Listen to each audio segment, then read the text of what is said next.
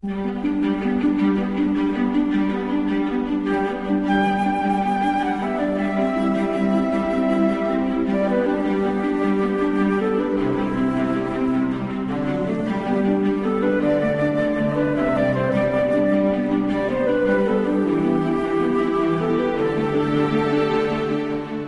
arribats a aquesta hora del matí d'un dia tan assenyalat com és la vigília de Nadal, eh, sortim al carrer, com és habitual a aquesta hora, que és intempestiva i plàcida, intempestiva per tots aquells que, en fi, que tot just estan tornant cap a casa, sigui per eh, qüestions laborals o sigui per, perquè han estat gaudint d'una llarga nit en dies que són eh, festius per molts, i plàcida per aquells que tot just es lleven aquest matí i pensen, ostres, quina feinada que ens queda encara d'aquí fins a la nit. En tot cas, és aquell moment que ens desplacem cap a un raconet que ens encanta, que és, una, en fi, un carreró empedrat d'una ciutat desconeguda, de, desconeguda que no han volgut revelar mai, que no han volgut explicar mai on és en el mapa, i al final del qual, d'aquest carreró, hi ha un edifici sense massa pretensions, hem de dir, eh, arquitectòniques o artístiques i al costat, a la porta, eh, sempre hi ha l'Albert Beorlegui perquè a l'interior s'hi amaga una pila de meravelles de les quals en, ens en parla cada setmana. És el Besar de les Sorpreses, ell és l'Albert. Com estàs, Albert? Bon dia. Bon dia, Xavi, com va tot? Home, de dia de corredisses, és així. Sí, no? Eh, hi ha molta gent que està... Que ara, quan ha sentit aquesta sintonia, ja li ha sonat gairebé el despertador perquè ha de fer moltes coses. O sigui, avui encara s'ha de fer moltes coses. És diumenge, però vaja, aquesta nit és eh, la nit de Nadal, demà és Nadal, eh, demà és Sant Esteve, vull dir, hi ha una feinada de por i hi ha una pila de gent que ho deixa tot pel final i això és el que I sol passar. Jo no, sé si et, uh, jo no sé si et passa a tu, jo tinc el privilegi, per entendre'ns, d'aquests dies de Nadal d'anar de taula en taula Sí. i més enllà d'ajudar, diguem-ne, a posar les tovalles i a controlar que tot estigui més o menys correcte, que el cava estigui, per entendre'ns, a la nevera i que tot estigui més o menys a punt, però vaja, poca cosa més. Vull dir, jo Tu no reps a casa teva? Sí, sí, rebem, però la meva funció, diguem-ne, és extremadament Ah. secundària. Vull dir que és, eh, diguem-ne, molt, molt complementària. No em poso la cuina, no em poso els fogons, per entendre'ns. I, per tant, la meva responsabilitat, diguem-ne, que és bastant indirecta. Ara, les persones, les mestresses de casa, sobretot, que és el, el seu gran dia, perquè, en el fons, no deixa de ser el dia de Nadal l'expansió a l'acte social per excel·lència, que és el retrobar-se en una taula, i més amb unes dates tan assenyalades com és aquesta, com és el Nadal, doncs, home, la responsabilitat és molt gran i, sobretot, els nervis que hi ha en les corredisses també d'últim moment. Sí. Uh, I mira, a més, avui diumenge és l'aniversari de ma mare i llavors, clar, tenim avui el dinar, demà tindrem un altre dinar també a casa els pares, o sigui que la cosa, diguem que serà Déu-n'hi-do. com molt intensa i, evidentment, molt familiar. No, Com només- faltaria. eh, Tu també la- més o menys igual, no? Sí, el que passa és que eh, és cert que una mica de cuina sí que en faig, però en tot cas és, és cert que hi ha moltes sí? cases, home i tant, eh, moltes cases que també la, la cuina està repartida. És cert que hi ha majoritàriament, eh, tradicionalment havia estat espai de dones i de i d'àvies i de mares de família i d'àvies, no? Però cada cop està canviant més, això també. Però, Eh, de totes... escolta, que jo també preparo, jo també preparo coses, eh? Bueno, sí, ja, ja et veig. Home, jo preparo les olives, les patates Ah, i els petits formatgets, Vaya eh? Vull dir que la meva vaya- contribució deia que vaya era que indirecta, tens. però... Vaya tela que tens. No, però ara m'has fet recordar, si tu no l'has vist, aquesta sèrie que es diu The Bear, eh, que és la sèrie sobre una... N'he sentit de parlar, sí. sobre un senyor que, que és cuiner i que agafa el restaurant del seu germà, que, que ha mort, i és un restaurant de- d'entrepans. I llavors una de les seqüències, que és un flashback, d'aquesta segona temporada, que és l'última que hi ha fins ara, eh, és la nit de Nadal. I com la mare de família, amb tots els familiars, que igual hi ha 25 convidats, està tancada dins de la cuina, embogida, anant de fogó en fogó, intentant demanar ajuda, cridant, trencant plats, bueno, una cosa extraordinària, un caos d'una hora, eh, de, gairebé de pla seqüència, meravellós eh, a l'interior de- d'aquella cuina absolutament caòtica. Que, eh, sense ser aquest extrem, però és cert que hi ha moltes cuines que, que a l'entorn de Nadal es tornen així de caòtiques. Però bé, per això deia que és un dia de corredisses. En tot cas, eh, vosaltres que ja ho teniu tot bastant preparat, perquè sé que treballeu amb, Sí. amb, amb temps, sou persones organitzades, el que hauríem de fer és llegir cartes, i no sé si hi ha gaire, Sí. gaires de Nadal. Mira, hem agafat, perquè clar, eh, fins la setmana passada ens van arribar tot un seguit de cartes que no sé on devien anar a parar, poder alguna saca de correus, aquestes que devia estar una mica perduda o extraviada, o no Sí. sé exactament què és el que ha passat, però d'entre les cartes que ja feia dies que ens havien arribat, he estat aquesta setmana triant aquelles que tenen a veure més o menys amb el Nadal. Clar, no les hem obert, el que passa que hi ha algunes que es veu clarament amb el sobre, per exemple, una de les que ara llegim ara, que ens arriba des de Barcelona, posa és una Nadala, al sobre, vull dir que inequívocament, per tant, l'haurien de llegir eh, ara avui, un altre que posa també Bon Nadal a la portada, i per tant he agafat, mira, dues, eh, dues eh, eh, cartes que sembla que només hi ha una Nadala, per tant que no hi ha carta dins, i com que suposo que seran curtes, he agafat una tercera que també és un sobre, per entendre'ns, apa, apaisat, eh, i que posa també si pot ser llegir abans de festes, per tant dedueixo que també ha de ser una Nadala. La primera d'elles és una que ens arriba, com deia, des de Barcelona, ens l'envia una, una amiga del programa, l'Anna Fabregat, eh, és una assistent a les conferències que imparteixo a les aules d'Extensió Universitària de, de Barcelona i de dins extraiem doncs, una bonica felicitació de Nadal amb una Mare de Déu, feta de manera artesanal, és a dir, és Ah. la, la mateixa Ana Fabregat la que s'ha dedicat a, doncs, a agafar una cartolina, a posar-hi, diguem-ne, tot un, uh, unes campanetes, unes estrelletes, una Mare de Déu, i a dins podem llegir Nadal 2023, Albert i Xavi, us desitgem que passeu unes molt bones festes de Nadal i un any nou 2024. Endavant amb el programa, cordialment, Anna Fabregat i Jordi. I aquesta eh, carta ens la ve remesa des de Barcelona.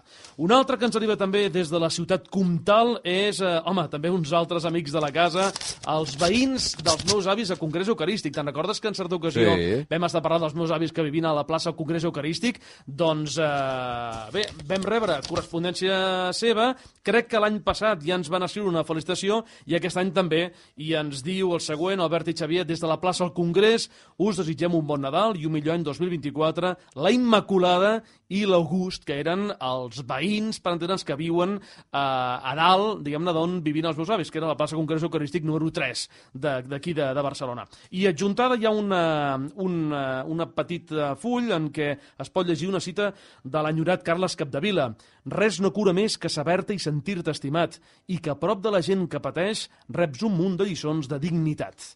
Doncs aquí eh, aquesta cita d'en Carles Capdevila que també ens ha arribat eh, en, aquesta, en aquesta missiva, aquesta Nadala des de Barcelona.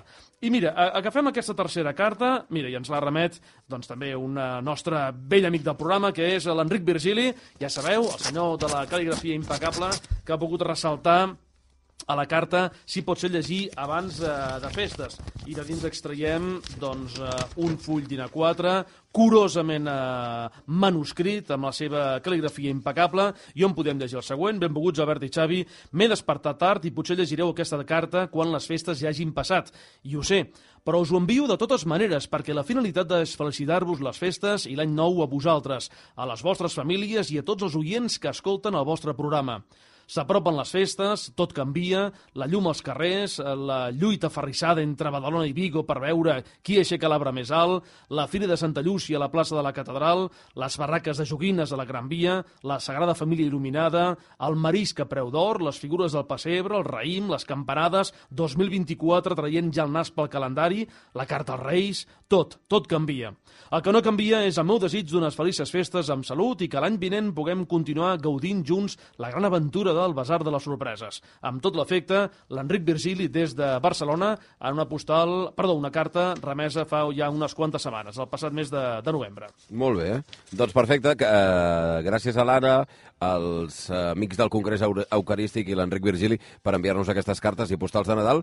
Encara tenim un parell de setmanes més, jo diria, des de, l'àmbit, diguem-ne, purament Sí. de festes, no? Encara el 31 i fins i tot, si m'apures, el dia 7, que ja és després de, de Reis, però vaja, encara tenen aquest aire eh, d'una certa festivitat nadalenca per llegir-ne algunes de les que, de les que hagin arribat. Eh, Recordeu que el, el correu sempre és el mateix, eh, on podeu enviar les cartes del Basar de les Sorpreses, l'Avinguda Diagonal 477, planta número 15, codi postal 08036 de Barcelona, i com és habitual, el compromís és de l'Albert Beorlegui de llegir-les totes i un cop ho hagi fet les respon una per una personalment. Bé, eh, vaig a mirar perquè abans de Nadal no hi hagi sorpresa desagradable. Ahà. Ahà, perfecte. Sí. El Beorlegui Express, net com una... Pat... El que no hi ha és bandereta. Sí, No hi ha bandera.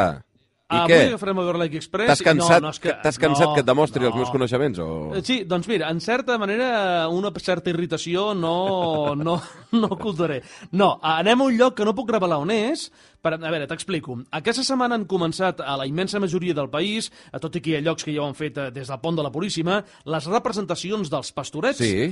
I en aquest Nadal, recordem, hi ha previstes al Principat més de 250 funcions a 52 municipis i més enllà de la tradició, que en alguns llocs és centenària, no oblidem que els pastorets doncs, és una veritable escola de teatre on molts actors consagrats de casa nostra han començat la seva carrera, bé interpretant lloquets, rovellons, satanassos o pastors o romans o el que faci falta, no? Sí, i tant. Home, eh, és un, no només és una escola de, de, de grans actors, gairebé virtualment hi ha una, el, el 90% dels actors que hi ha a Catalunya han començat fent els pastorets, no? Però a part uh -huh. és una, és una d'aquestes eines de teixit social, no? Que es, es Sí. facin a totes les parròquies, a pobles, a ateneus, a tot arreu, i que en, en cada població n'hi més d'un, amb tradicions, amb idees i orígens diferents, alguns de molt, molt antics i d'altres molt més nous, però vaja, és una d'aquelles coses que teixeja el, pa el país. Per tant, no ens movem de Catalunya.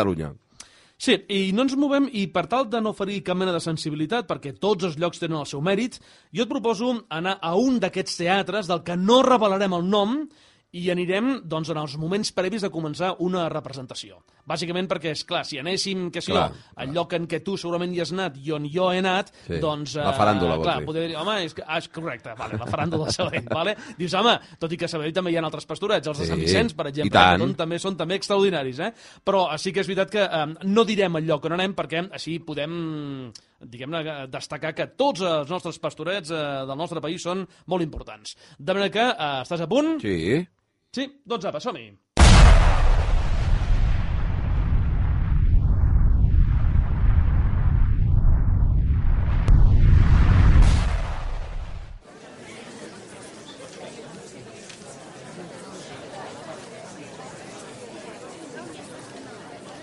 Bé, sessió matinera, eh, la de- la d'avui, trobo. Uh, sí, bé, el que passa Encara que és no una ha sessió començat. matinera, eh, és un Biorlec Express Plus, eh? Vull Ah! és, un, és un desplaçament no només Ah, geogràfic, sinó també temporal, eh? Jo pensava, dic, què fan, fan els pastorets a les 8 del No hi- matí? No hi ha d'haver-hi no hi ha ningú. cap funció matinera d'aquelles matinals eh, que puguin fer-ho. Eh? Eh, eh, no sé si identifiques aquest teatre, si ho Eh, fas eh, de sí. manera que no el mencionis. Val. Sí? Saps No quin és? sí, sí, sí. Vale, no, no dic El res. conec. Um, aquests, eh, bé, recordem, són els moments previs d'una de les moltes representacions d'aquesta obra, ben típica a Catalunya, on, recordem-ho, es combinen elements del naixement de Jesús, amb la lluita del bé contra el mal, àngels contra dimonis, i uns pastors que són els conductors de la història i que introdueixen molts elements, evidentment, folclòrics de casa nostra. De representacions a pastorets n'hi ha constància des del segle XVI, és a dir, fa 400 anys, però no serà fins a finals del segle XIX i principis del segle XX quan s'escriuran la major part de les obres, la més coneguda de les quals, evidentment, és la versió d'en Folc i Torres de l'any 1916, però també hi ha hagut les de Miquel Saurín, el 1887, les d'en Pitarra, el 1891, Ramon Pàmies, 1903, o de Francesc de Gispiques, l'any 1954, entre d'altres. Ai, no t'he preguntat, però tu has estat... Eh, has format part d'alguna representació de pastorets o no? No, no, no. No? Ni de nen? No, de pastorets no. Mm. Dinadet no, no. no. Tu sí? Jo diria que sí, però del col·le. Què eh? dius ara? No, Què dius? però... Col·le? Home, no, clar, no. Clar, no és el mateix, eh? no és el mateix. Algun Home, jo col- col·le sí que... No, al col·legi sí que Jo havia he estat, fet jo he alguna estat una cosa fúria, de Nadal, jo he estat eh? una fúria de l'infern. Sí, sí. Una fúria? Jo era, jo era el narrador, jo. Sempre em posaven el paper de narrador. Sí. Està bé, està bé. Bé, Mira, veig que ja apaguen Ai, sí, sí, llums calla, calla, calla. eh, i per tant ja no només serà el moment de marxar, eh, sinó també de proposar-te un nou basar de les sorpreses, el número 331, que dedicarem a aquests simpàtics personatges. Avui, doncs, la lletra P. La P de pastor.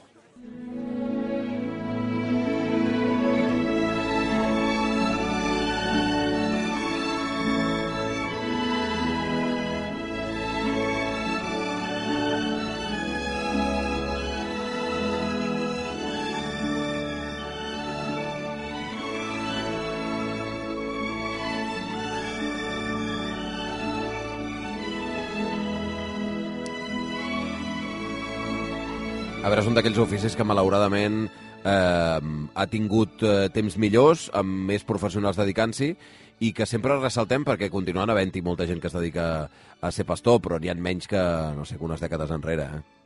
Sí, sí, i recordem aquest ofici en què una persona té cura d'un ramat d'animals, de manera que els treu a pasturar i el retorn al refugi, és, no cal dir-ho, és un dels més antics del món i, per tant, està carregat també de simbologia, especialment religiosa i que abraça els dos extrems. D'una banda, és sinònim de protecció, eh, de guia, eh, Jesús acabarà sent el bon pastor que guia les seves ovelles, i a la Bíblia, de fet, hi ha moltes referències, començant pel famós eh, Salm 23, que hem escoltat sobretot als funerals, eh? El Senyor és el meu pastor, no em manca res, em fa descansar en prats deliciosos, em mena el repòs vora l'aigua, llim retorn, etc etc.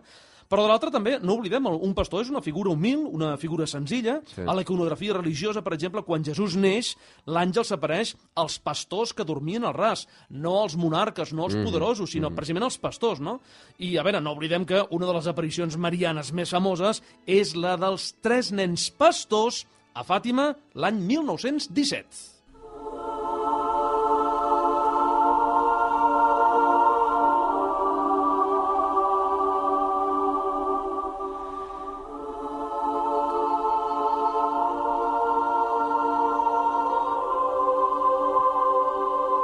Explica'm una d'aquesta, perquè no conec l'aparició de tres nens pastors a Fàtima, per tant estem a Portugal, eh?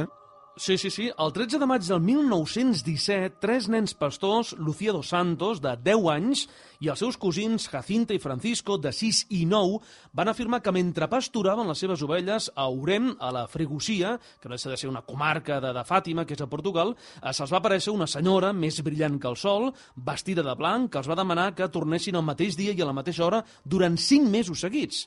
I quan ho van explicar, òbviament ningú els va creure, però en les altres ocasions en les que es va produir aquesta aparició, que s'atribuïa a la Verge Maria, els nens van experimentar un canvi profund en el seu caràcter. De fet, crec recordar que els nens van morir, eh, van morir els dos nens de Jacinto i Francisco van morir, que eren encara nens, Oi, i crec que Lucía va arribar a ser monja i va morir molt, molt, molt gran. De fet, fa relativament en pocs anys, no?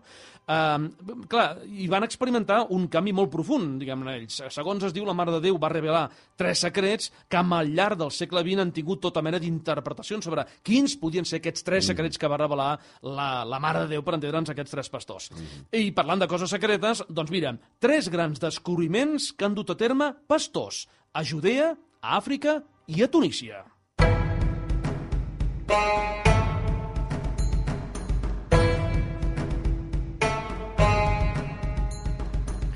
Clar, al final els pastors es mouen en terrenys eh, que no són eh, urbans, Uh -huh. eh, i per tant són zones en què es poden produir aquests eh, descobriments, no? zones de camins eh, boscoses o prats, etc que hi poden haver trobat alguna cosa.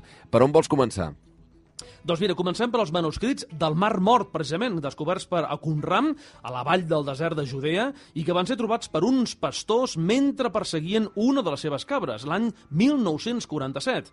Són una col·lecció de 972 manuscrits, datats la majoria d'ells entre l'any 250 abans de Crist i el 66 de la nostra era, i en el seu moment hi va haver una gran controvèrsia perquè s'apunta que aquests manuscrits podien reinterpretar la Bíblia o les ensenyances de Jesucrist.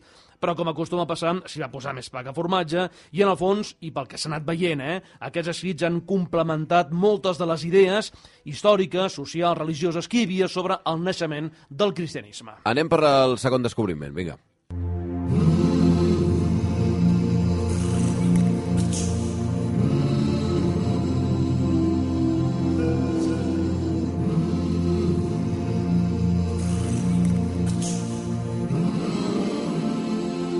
I ara anem fins on?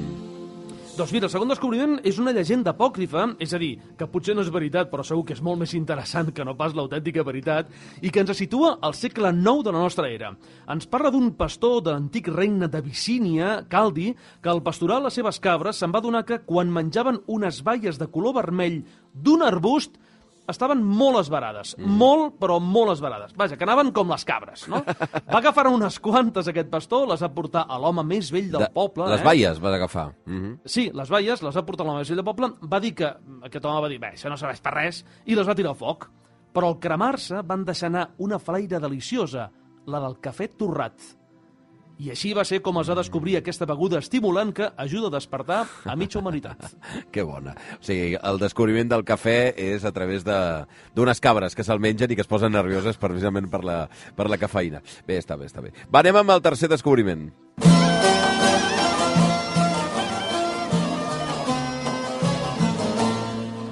Abans has parlat de tres llocs, de Judea, de l'Àfrica, de Turquia, per tant, per eliminació som al tercer, som a Turquia. A on exactament?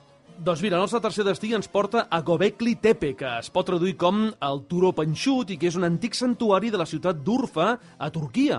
A l'any 1994, ara fa 30 anys, un pastor kurd va descobrir el que s'ha acabat sent el complex megalític més antic que es coneix. Quan parlem de megalític vol dir, evidentment, de conjunt de pedres, eh? Uh -huh. I que està construït, atenció, 6.000 anys abans que el famós monument de Stonehenge, a Anglaterra. Hosti, què dius? Quan parlem, diguem-ne, de coses antigues, que ens ve aquesta imatge, diguem-ne, d'aquells menirs, eh, rotllo bèl·lics, per entendre'ns, Sí, en sí, aquell sí. cercle, diguem-ne, a Anglaterra, doncs 6.000 anys abans, als vols de l'any 9.600 abans de Crist, va ser aquest, eh, aquest complex megalític. I a més a més curiós és que posteriorment va ser enterrat sobre l'any 8.000 abans de la nostra era. Mare Està meva. considerat el temple més antic del món i s'ha dit que allí poder va néixer la consciència humana d'allò que és sagrat. Que és un concepte poder, mm, doncs, com bastant eteri, però que, ostres, eh, no deixa de ser extremadament curiós, tenint en compte que d'això doncs, està, estem parlant, diguem-ne, de fa més de 10.000 anys. Eh?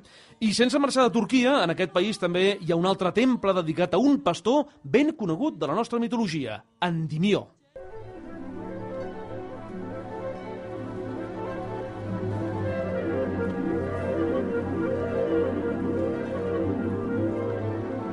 Clar, sent un dels oficis més antics de, de la humanitat, imagino que també ha format part, ja no de les, de les llegendes, dels rituals, també de la mitologia de tota la història, no? En aquest cas, mitologia grega, interpreto? Mm -hmm. Sí, sí, i de fet hi ha diversos pastors la mitologia. Eh? Un d'ells, per exemple, és Endimió, que era un xicot tan ben plantat que Selene, la lluna, se'n va enamorar d'ell mentre dormia i li va demanar Zeus, el totpoderós déu de l'Olim, de poder estar sempre amb ell. El desig va ser concedit i per això potser els astrònoms segles més tard, molts més segles més tard, van batejar amb un cràter de la Lluna el nom d'Endimió, precisament. Mm. I no tan romàntica i molt més lúbrica i concupiscent és la història de Pan, que és el déu dels pastors, però també, atenció, de la fertilitat i de la sexualitat masculina, ja que aquest personatge, amb tors i cara d'home i cames de cabró, es dedicava a espantar i perseguir les nimfes, diguem-ne, amb finalitats carnals. Això d'espantar eh, en deriva una paraula ben coneguda, la paraula pànic, ve d'aquí, del pan. déu pan, mm. pànic. Eh?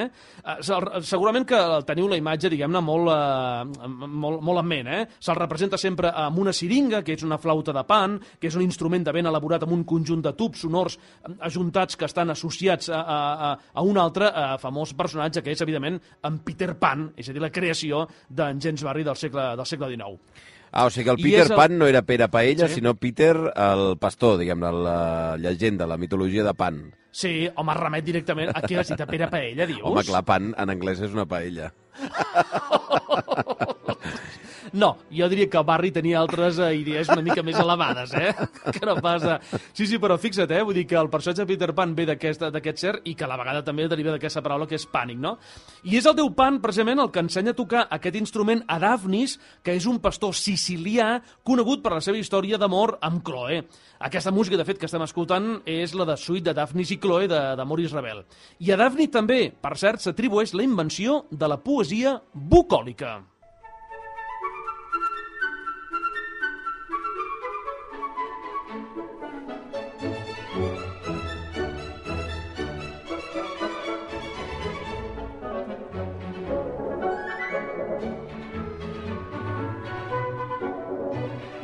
Què és la poesia bucòlica, Berlegui? La poesia bucòlica és molt fàcil, la poesia bucòlica és la poesia pastoral. Eh? Quan diem, oi, quina cosa més bucòlica, en el fons estem fent referència doncs, a un tipus de poesia, però també segurament de, de, de vivència física, que descriu la vida del camp de manera home, molt idealitzada.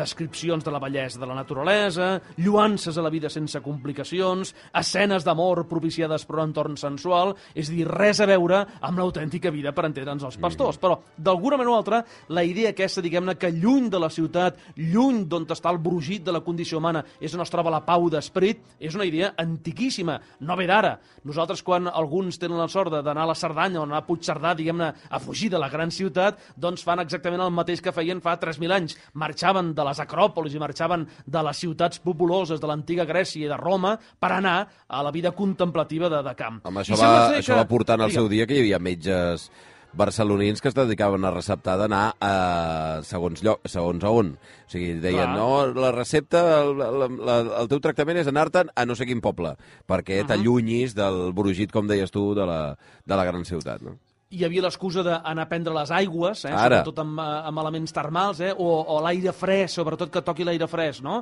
Eh, quantes persones, amb el tema, sobretot el, la malaltia de tuberculosi, doncs eh, mm. mirava de solucionar-se d'aquesta manera, no? Eh, L'origen de la poesia bucòlica, o poesia, diguem-ne, pastoral, s'atribueix a Teòcrit, que va ser un poeta grec del segle III abans de la nostra era, nascut a Sicília, a Siracusa, concretament, és a dir, exactament igual, per entendre'ns, que aquest pastor sicilià eh, de la mitologia, que és, que és Daphnis, i que eh, la seva influència s'allargarà durant molts segles. De fet, el Renaixement tornarà a tenir un nou impuls amb un altre italià, Jacopo Sanazzaro, quan publica Arcàdia, que està considerada la primera gran novel·la pastoral. El gènere entrarà en crisi a la segona meitat del segle XVII, just quan Bartolomé Esteban Murillo eh, pinta un dels seus quadres més famosos, El buen pastor.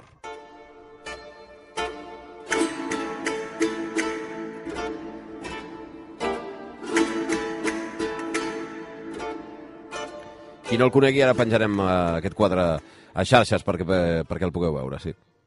Sí, és un, Murillo és un dels grans pintors espanyols del barroc, va néixer a viure a Sevilla entre el 1618 i el 1682, se'l coneix sobretot per la seva pintura religiosa, i el Buen Pastor va ser pintat als vols de l'any 1660, i en ell es veu, doncs això, un nen Jesús doncs, amb una ovella, amb aquesta idea de el bon pastor. De fet, hi ha tres versions al quadre, la més famosa de les quals es troba al Museu del Prado. La pintura, aquesta, no deixa de ser una idealització de la vida de pastor. I parlant d'idealitzacions, la música pastoral per excel·lència idealitzada és la sisena de Beethoven.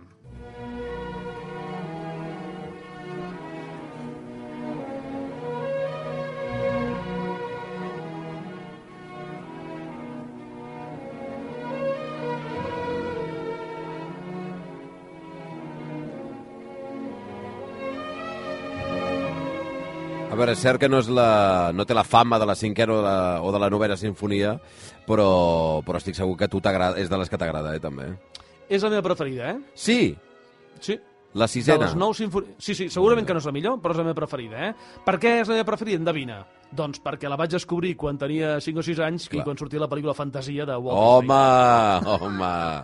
Pel·lícula fantasia és el teu centre Sí, sí, sí. troncal de la teva trajectòria i de la teva infància. És curiós, eh? Però, sí, sí, però eh, una pel·lícula que veus quan ets nen, la quantitat d'influències que va exercir en la teva vida, eh? I la, i la Casa Sinfonia, que l'he escoltada centenars de vegades, eh? És, és una, és, eh, m'inspira una serenor, una placidesa, perquè, de fet, és un tema, aquest que estem escoltant, per exemple, no? un tema eh, delicadíssim, inspiradíssim, bellíssim, aquest segon moviment d'aquesta sinfonia tan popular i extraordinària, que és la sisena de Beethoven, també coneguda precisament com la pastoral, per al seu caràcter, diguem-ne, programàtic, és a dir, que la música ens evoca elements, en aquest cas de la vida de pagès. Els noms dels seus moviments ens els descriuen. Escena el Riarol, que és el títol d'aquest fragment que estem escoltant. A veure, podem pujar una mica, això? A veure.